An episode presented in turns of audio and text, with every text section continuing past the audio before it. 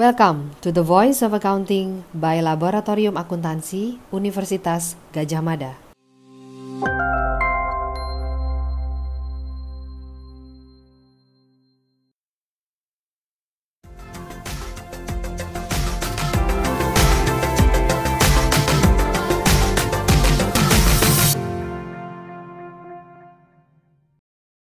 Selamat datang di The Voice of Accounting.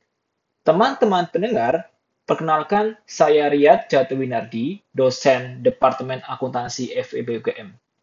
Pada podcast kali ini, saya akan membawakan The Voice of Accounting edisi topik akuntansi forensik. Untuk edisi ini, saya telah mewawancarai beberapa orang yang bekerja di bidang akuntansi forensik seperti peneliti, analis, investigator, dan auditor. Nah, kepada mereka, saya bertanya seputar isu-isu yang menarik di dunia akuntansi forensik yang layak kita ketahui. Untuk episode kali ini, kita akan bersama Mbak Dianeka Putri. Beliau adalah Manager for Business Consulting Service Line at Ernst Young Indonesia. Akan ada dua episode yang membahas mengenai internal auditor dan financial statement fraud, di mana masing-masing episode akan berisi dua segmen. Di episode ini, kita akan bahas mengenai profesi internal auditor sebagai salah satu profesi penting dalam bidang akuntansi forensik. Sedangkan di episode berikutnya, kita akan bahas mengenai financial statement fraud dan peran internal auditor dalam deteksi dan pencegahannya. Terima kasih atas waktunya. Uh, di sini kita sudah bersama dengan uh, Mbak Dian, ya, uh, sebagai uh, pembicara untuk podcast uh, hari ini. Uh, Dian, kita langsung mulai aja ya. Kita akan membahas mengenai segmen yang pertama. Uh, di segmen pertama ini, uh, bisakah uh, Mbak Dian memberikan gambaran mengenai fungsi dari internal auditor? Uh, ya, selamat uh, siang Mas Riri. Terima kasih sebelumnya uh, atas kesempatannya ya untuk uh, join dan sharing di session podcastnya FEB UGM ini. Untuk terkait dengan uh, pertanyaan pertama ya, apa sih uh, peran dan fungsi internal auditor? Mungkin uh, pemahaman pertama yang uh, mungkin rekan-rekan nanti uh, perlu pahami ya. Pertama bahwa internal auditor ini adalah uh, sebuah profesi nih, artinya profesi sebuah pekerjaan yang memang membutuhkan uh, keterampilan dan pengetahuan yang khusus sama seperti kalau misalnya kita bicara profesi dokter, pengacara gitu ya karena memang profesi ini uh, pertama uh, ada ada standar prinsip dan kode etik di dalamnya ya. Kalau kita tahu uh, ada asosiasi profesi yang menaungi uh, profesional internal auditor dalam hal ini Institute of Internal Auditor. Di sini uh, dari asosiasi profesi ini diatur apa saja sih prinsip-prinsip yang harus uh, dimiliki atau di, jadi standar atau guidance dalam pelaksanaan uh, audit atau internal audit. Itu dikenal dengan IPPF ya, International Professional Practices Framework. Lalu juga ada berbagai uh, sertifikasi keahlian yang memang juga uh, relevan. Nah, kalau dikaitkan dengan uh, apa korelasinya atau perannya di dalam sebuah organisasi, kalau kita juga merujuk lagi ke definisi uh, standar profesi ya, IIA atau Institute of Internal Auditors, uh, auditor internal ini tuh perannya adalah memberikan aktivitas assurance dan uh, konsultasi yang independen dan objektif kepada manajemen untuk memberikan nilai tambah dan meningkatkan operasional organisasi dalam tiga tiga ruang lingkup nih Mas Riri. Pertama dari aspek manajemen resiko, lalu kemudian yang kedua dari sisi pengendalian dan yang ketiga dari sisi tata kelola. Nah, eh, yang perlu digarisbawahi di sini adalah dari sisi aktivitas assurance-nya, bahwa internal auditor ini memberikan keyakinan yang memadai, artinya bukan keyakinan yang absolut ya. Jadi mungkin kalau banyak yang salah kaprah gitu ya, bahwa uh, assurance ini adalah keyakinan yang memadai bahwa tadi tiga hal uh, manajemen resiko, pengendalian dan tata, tata kelola ini sudah berjalan secara efektif. Karena kalau kita merujuk kepada freelance model ya, uh, mungkin Mas Riri juga udah expertnya lah dalam hal ini ya. Di mana kalau uh, ya, ya freelance of defense yang kemudian diperbaharui ya di tahun 2020 ini jadi frameworknya kita kenal dengan freelance model hmm. uh, di mana sebenarnya di situ ditegaskan bahwa uh, manajemen uh, sebagai lini pertama dan juga dibantu dengan lini kedua yang sebenarnya memiliki peran kunci juga nih di dalam sebuah perusahaan untuk tadi memastikan bahwa uh, resiko manajemen resiko sudah berjalan dengan efektif, tata kelola dan pengendalian internal ini juga uh, sudah di, dijalankan dengan konsisten. Artinya dalam hal ini auditor internal ini adalah menjalankan fungsi assurance dan konsultasi. Tadi di garis bawahi harus independen dan objektif, artinya dia ada berada di luar dari struktural manajemen. Uh, dia harus berada di bawah organ pengurus atau mungkin kalau kita bicaranya ada mungkin komisaris gitu ya atau misalnya dewan direksi dia harus berada uh, langsung secara struktural di bawah uh, struktur tersebut dan memiliki uh, komunikasi secara uh, artinya tidak ada hambatan, artinya bisa melakukan komunikasi secara langsung, dia tidak terlibat dalam aktivitas operasional perusahaan. Jadi itu adalah konsep ataupun peran dari uh, internal auditor secara umum di dalam suatu organisasi. Jadi memang uh, yang perlu digarisbawahi tadi independen, objektif dan memberikan assurance, artinya uh, bukan uh, bukan keyakinan yang absolut bahwa tidak boleh terjadi fraud bahwa ketika terjadi fraud bahwa itu adalah mutlak tanggung jawabnya dari internal auditor. Nah itu mungkin pemahaman yang perlu perlu diklarifikasi seperti itu Mas Riri mungkin ya kalau dari sisi peran internal auditor. Oke, okay. uh, terkait dengan tiga peran ya dari manajemen risiko, pengendalian dan kelola Uh, kita akan bahas mengenai MS fraud di segmen yang ketiga. Tapi saya tertarik untuk menggali lebih dalam terkait dengan resiko fraud. Uh, sejauh mana sih uh, peran dari internal auditor itu untuk menghadapi resiko fraud ini? Apakah resiko fraud ini ada semacam uh, prioritas yang uh, diterapkan oleh manajemen bahwa resiko itu tidak semuanya uh, dianggap sama itu? Atau bagaimana terkait dengan pengolahan resiko ini?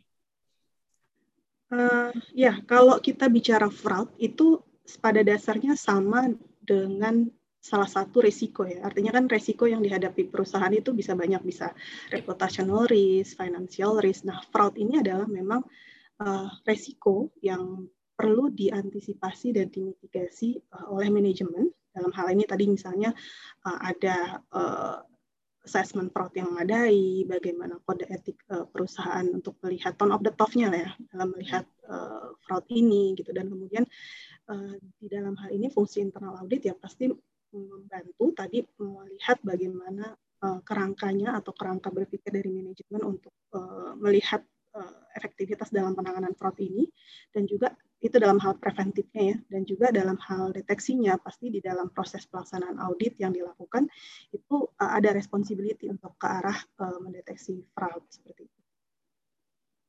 Baik. Uh, kalau terkait dengan teknis pengendalian, apa yang dilakukan oleh internal audit untuk membantu pengendalian ini?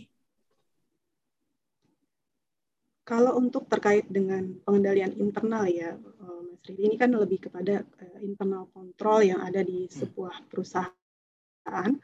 Artinya internal audit ini memiliki fungsi untuk memastikan bahwa internal kontrol ini sudah di sudah ada gitu ya dan juga berjalan dengan efektif untuk memitigasi resiko-resiko yang ada di dalam perusahaan. Artinya kan kontrol-kontrol ini diterapkan atau di dilakukan tujuannya untuk uh, bisa mengantisipasi risiko ke dalam level yang mungkin ada di dalam uh, tolerance ataupun risk level dari manajemen ya. Artinya oh, misalnya tadinya risknya ada di level high, kemudian dengan ada kontrol ABCD, uh, kemudian risiko itu sudah berada turun ke dalam uh, level ke medium atau low. Nah, di sini tugasnya internal auditor itu memastikan apakah si ABCD tadi ini itu berjalan, artinya ada, misalnya prosedurnya ada, dan kemudian prosedur ini juga didukung dengan uh, sumber daya yang ada, artinya ada ada personil yang menjalankan dan kemudian dijalankan secara konsisten. Nah, hal-hal seperti itu yang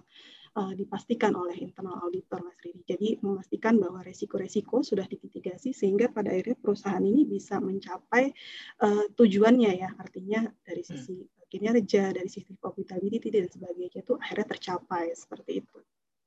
Oke, berarti ada semacam ini ya apa uh, metodologi ya untuk menghitung resiko fraud apakah di levelnya level yang high terus bagaimana biar mencapai level yang lebih rendah itu Nah, di sini uh, apakah ada semacam pendekatan yang dilakukan oleh uh, internal auditor untuk melakukan hal tersebut?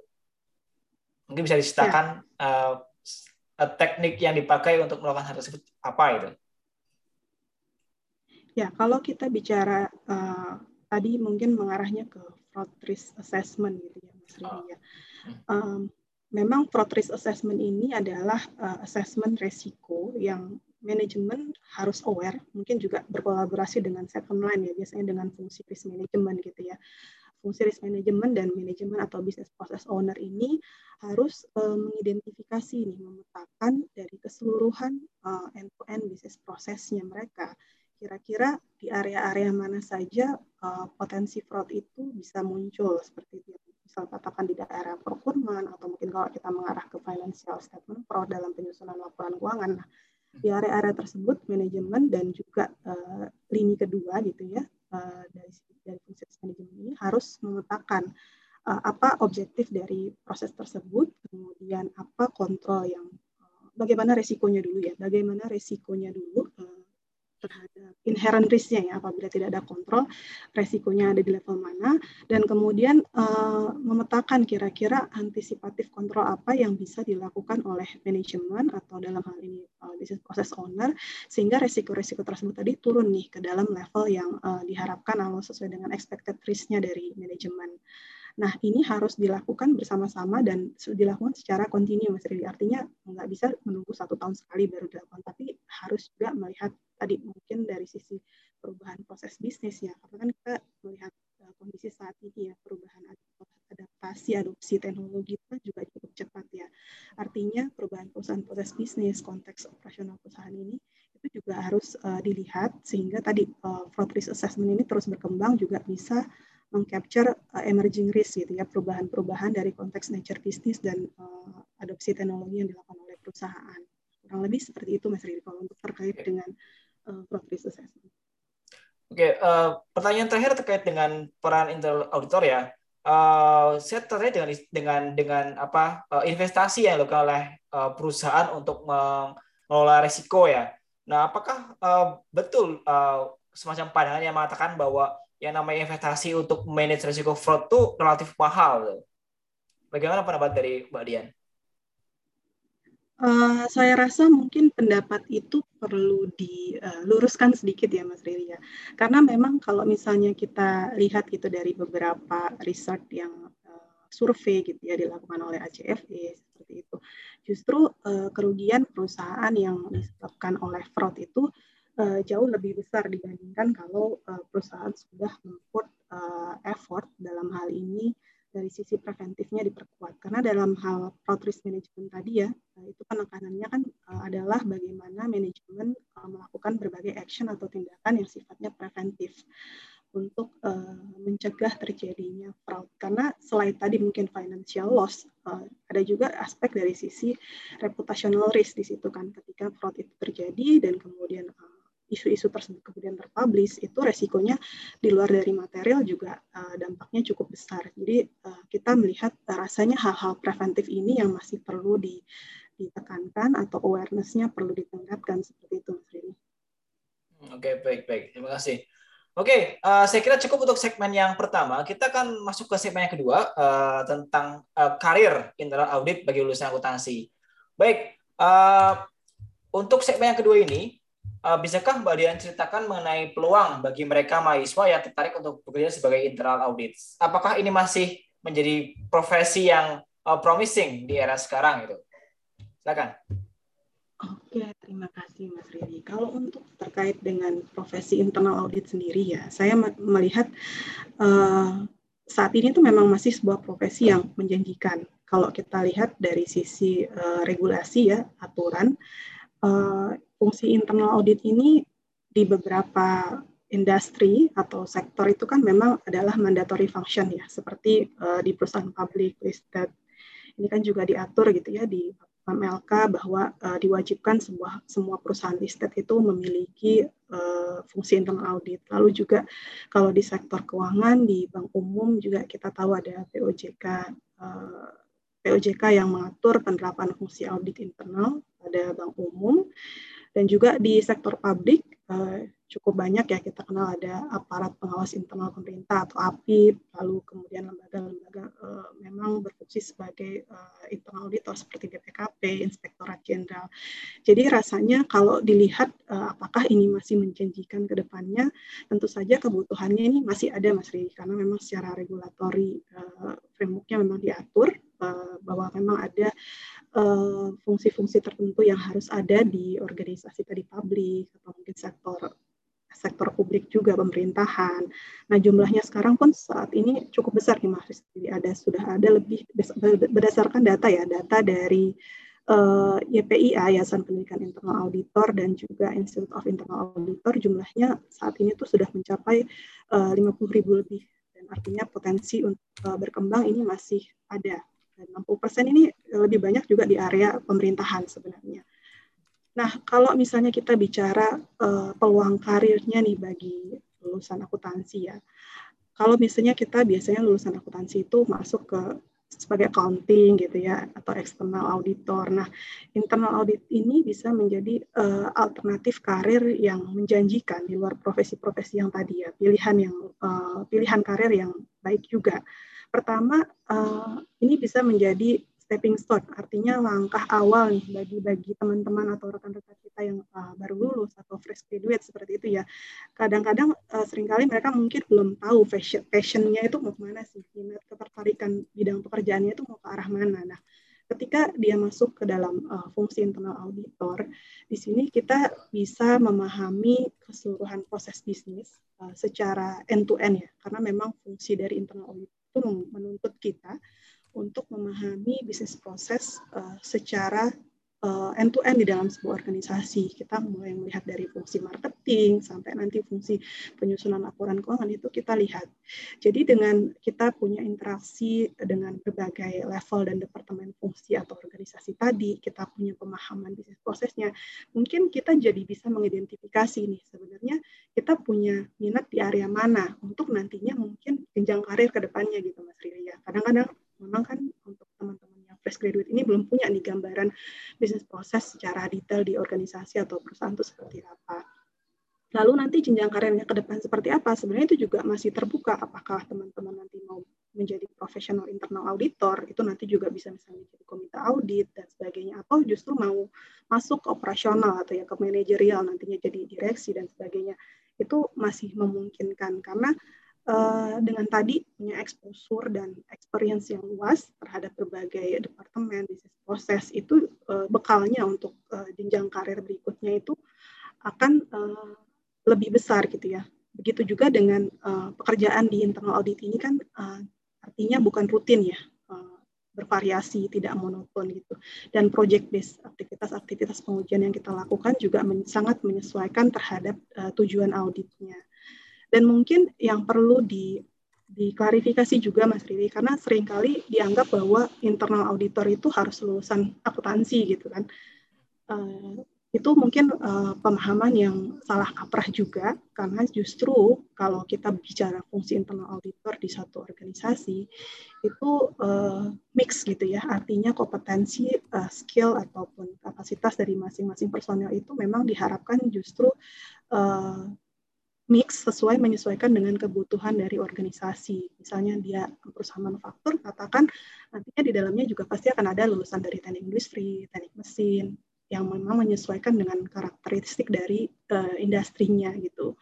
Atau misalnya teknologi informasi, kita kenal ada IT audit. Nah ini juga pasti di setiap fungsi audit idealnya uh, bercampur baur kompetensi ini, Mas Riri. Kurang lebih seperti itu kalau untuk uh, bagaimana peluang karir dan ke depannya dari profesi internal audit. Baik, uh, saya tertarik dengan uh, apa internal audit sebagai stepping stone ya, jadi sebagai karir pertama ya sebelum nanti melanjutkan karir berikutnya akan seperti apa itu ya. Nah, hmm. kalau terkait dengan peluang untuk misalkan kita ber, uh, apa melanjutkan ke are, ke ranah global misalkan di perusahaan multinasional di negara lain, apakah uh, apa pengalaman dengan background internal audit ini juga uh, bisa membantu untuk mencapai hal tersebut? Ya, uh, saya rasa uh, sangat membantu ya Mas Riri. Karena tadi balik lagi kalau fungsi internal audit yang ideal uh, di mana bisa mengcapture pemahami keseluruhan bisnis proses kita memahami uh, mengidentifikasi resiko yang ada di dalam masing-masing bisnis proses tersebut dan juga uh, tahu kontrol idealnya itu seperti apa. Uh, daya daya analisa kita menjadi terasah gitu ya. Uh, kemampuan adaptasi kita terhadap uh, berbagai tantangan uh, untuk masing-masing project itu akan menjadi uh, bekal kita untuk lebih cepat memahami misalnya kita nanti jam ke industri yang berbeda gitu ya karena kita sudah terbiasa dengan pola pikir dan respon yang yang cepat terhadap segala sesuatu uh, itu uh, apa kita akan akan pindah ke industri atau pindah ke tadi mungkin multinational company itu juga uh, modal yang sangat kuat. Nah selain itu yang perlu ditekankan juga di internal audit ini kan ada berbagai uh, sertifikasi yang diakui secara internasional ya sertifikasi yang diakui secara global yang memang kalau misalnya berdasarkan data saat ini itu memang uh, masih masih belum banyak gitu ya internal auditor yang punya sertifikasi uh, internasional. Kalau berdasarkan apa data ini, uh, contohnya apa yang bisa dijadikan contoh? Ya, mis misalnya uh, CIA gitu ya, corporate uh, certified internal auditor, lalu ada CFA, certified project miner, lalu mungkin kalau dari bidang teknologi informasi itu ada CISA gitu ya. Sertifikasi-sertifikasi internasional ini juga uh, jadi bekal nih untuk uh, rekan ya menambahkan nilai jual kita lah ya, menambahkan nilai jual kita untuk bisa uh, berkompetisi. Kalau nanti kita misalnya mau uh, mau berkarir di ranah global ya karena kan untuk sertifikasi internasional ini adalah sertifikasi yang memang sudah distandarisasi, di acknowledge juga ya dari sisi global seperti itu. Jadi mungkin kalau memang kita punya uh, minat atau ketertarikan ke arah sana, bekal-bekal terhadap lisensi dan sertifikasi-sertifikasi tersebut itu perlu perlu kita bekali seperti itu Mas.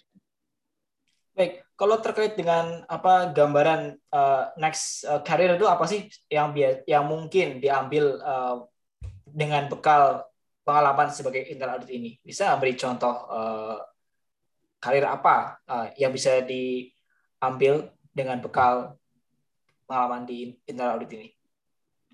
Ya, kalau di internal audit, kalau kita masih mau di satu korporasi, katakan kita masih mau berkarir di korporasi yang sama atau grup yang sama, uh, ketika kita mau rotasi atau pindah ke berbagai departemen tadi ya, misalnya kita mau masuk ke operasional, kita mau masuk ke marketing, atau misalnya ternyata kita passionnya setelah mungkin 2-3 tahun di internal audit, ternyata passion saya ada di area uh, operasional produksi, kalau kebetulan hmm. mungkin backgroundnya juga mendukung. Nah, uh, itu sangat fleksibel dan mungkin terjadi gitu ya. Artinya uh, rotasi uh, di antara fungsi-fungsi di dalam operasional perusahaan atau mungkin kita mau pindah ke finance atau mungkin kita mau pindah ke hmm. accounting department. Nah itu uh, itu sangat mungkin. Apalagi tadi kita sudah punya basic, kita nggak mulai dari nol, kita sudah punya basic pemahaman uh, terhadap uh, nature bisnisnya, nature prosesnya di departemen tersebut. Nah dari situ kalau mau terus berkarir di organisasi yang sama ya kita akan mengikuti uh, karir pet ya misalnya di departemen head, division head, atau mungkin nanti ah, sampai ke depannya bisa jadi direksi dan sebagainya gitu. Atau kalau memang kita uh, tetap mau ada berkarir di uh, profesi internal auditor sebagai profesional gitu ya Mas Riri ya jangka panjang gitu ya. Kan memang kita tahu misalnya ada departemen head di internal auditor atau CIA gitu ya nantinya ya uh, atau kepala internal auditor gitu kepala Sky kalau misalnya di korporasi. Uh, ataupun nantinya jadi komite audit atau nantinya jadi dewan komisaris. Nah itu itu pun masih terbuka kalau memang kita mau linear di bidang ini. Oh, linear, okay. Atau mungkin kita mau jam ke consulting gitu ya. Consulting, itu juga yeah. Ya. uh, masih memungkinkan. Oke, okay. uh, eh, untuk part ini terakhir pertanyaan terkait dengan tadi disebutkan bahwa pekerjaan internal auditor itu tidak monoton, ya project based ya bisa nggak diberikan contoh pekerjaan yang mungkin uh, simple, project tapi simple, sampai yang apa misalnya kompleks itu seperti apa untuk gambaran mahasiswa yang ingin tahu apa sih yang oleh oleh interauditor di perusahaan itu?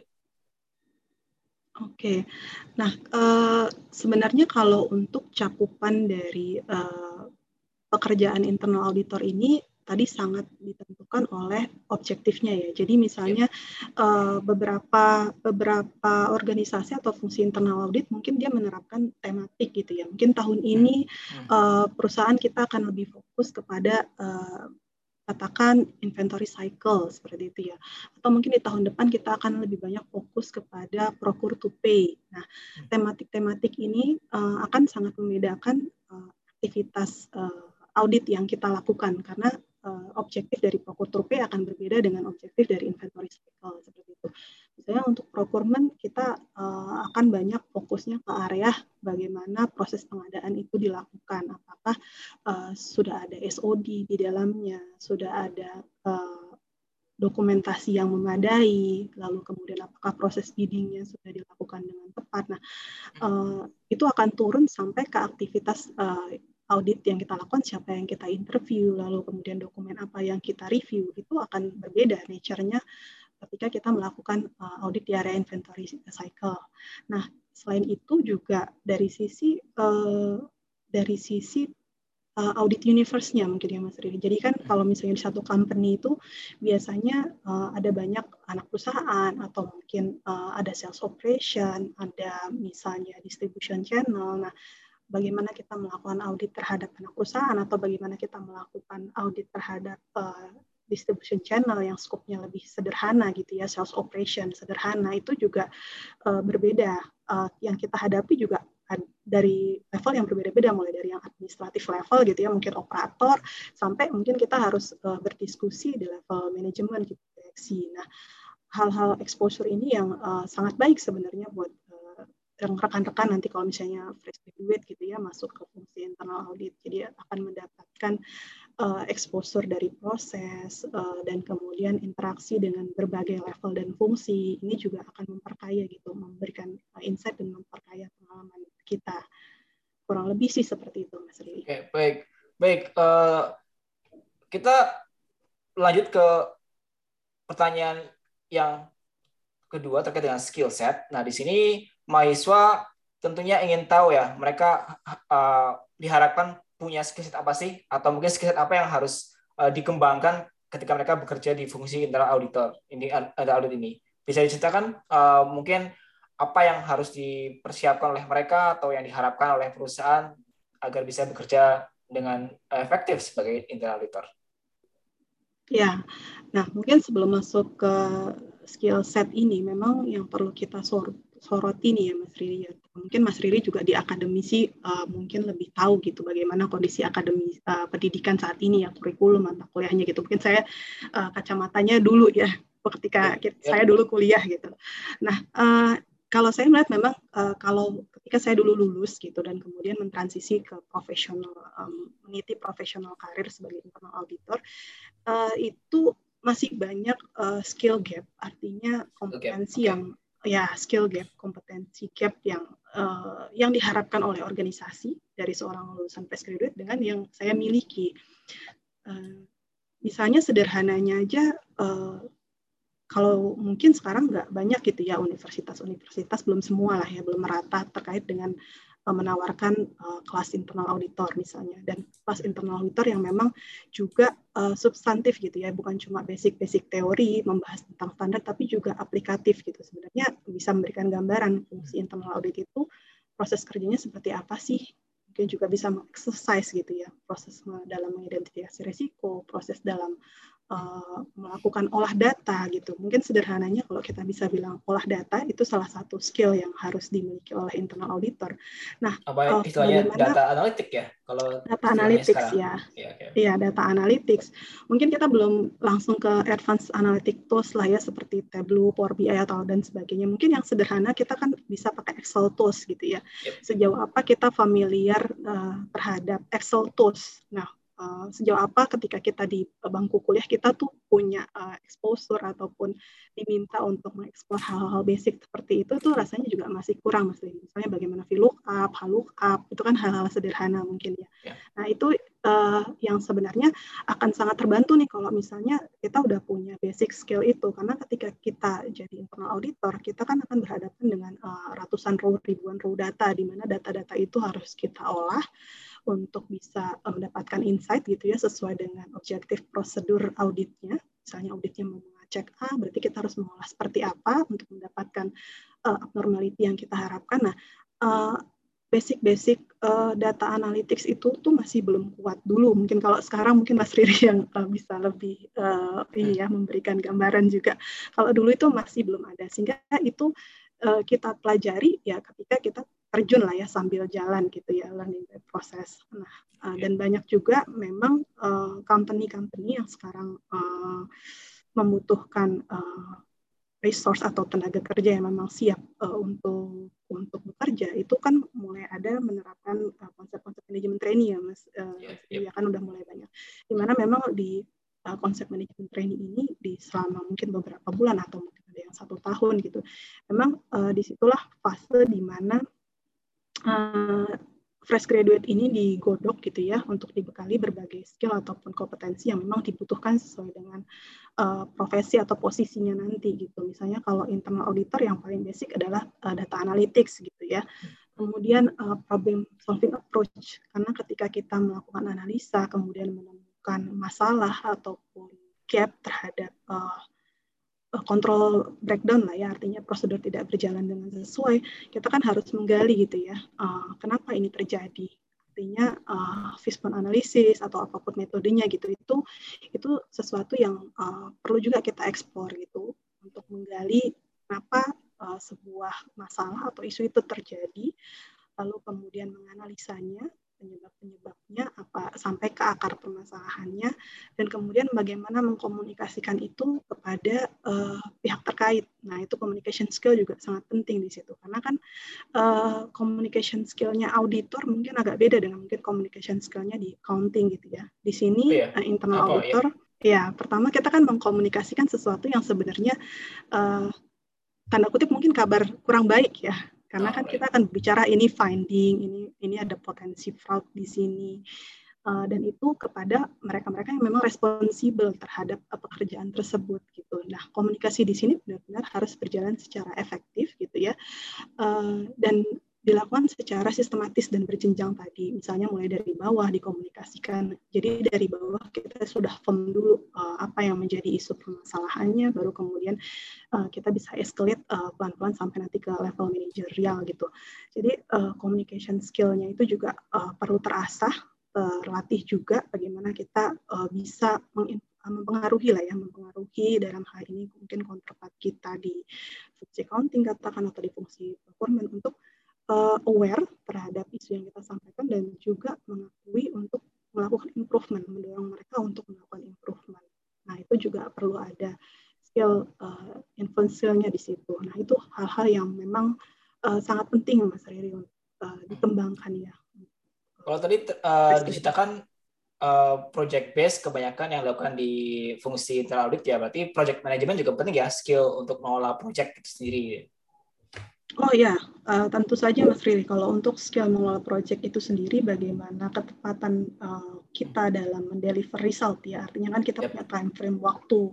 Ada sekian banyak prosedur yang harus kita laksanakan dengan berbagai kendala. Mungkin ada kendala data, dokumen, nah itu sangat umum terjadi ya.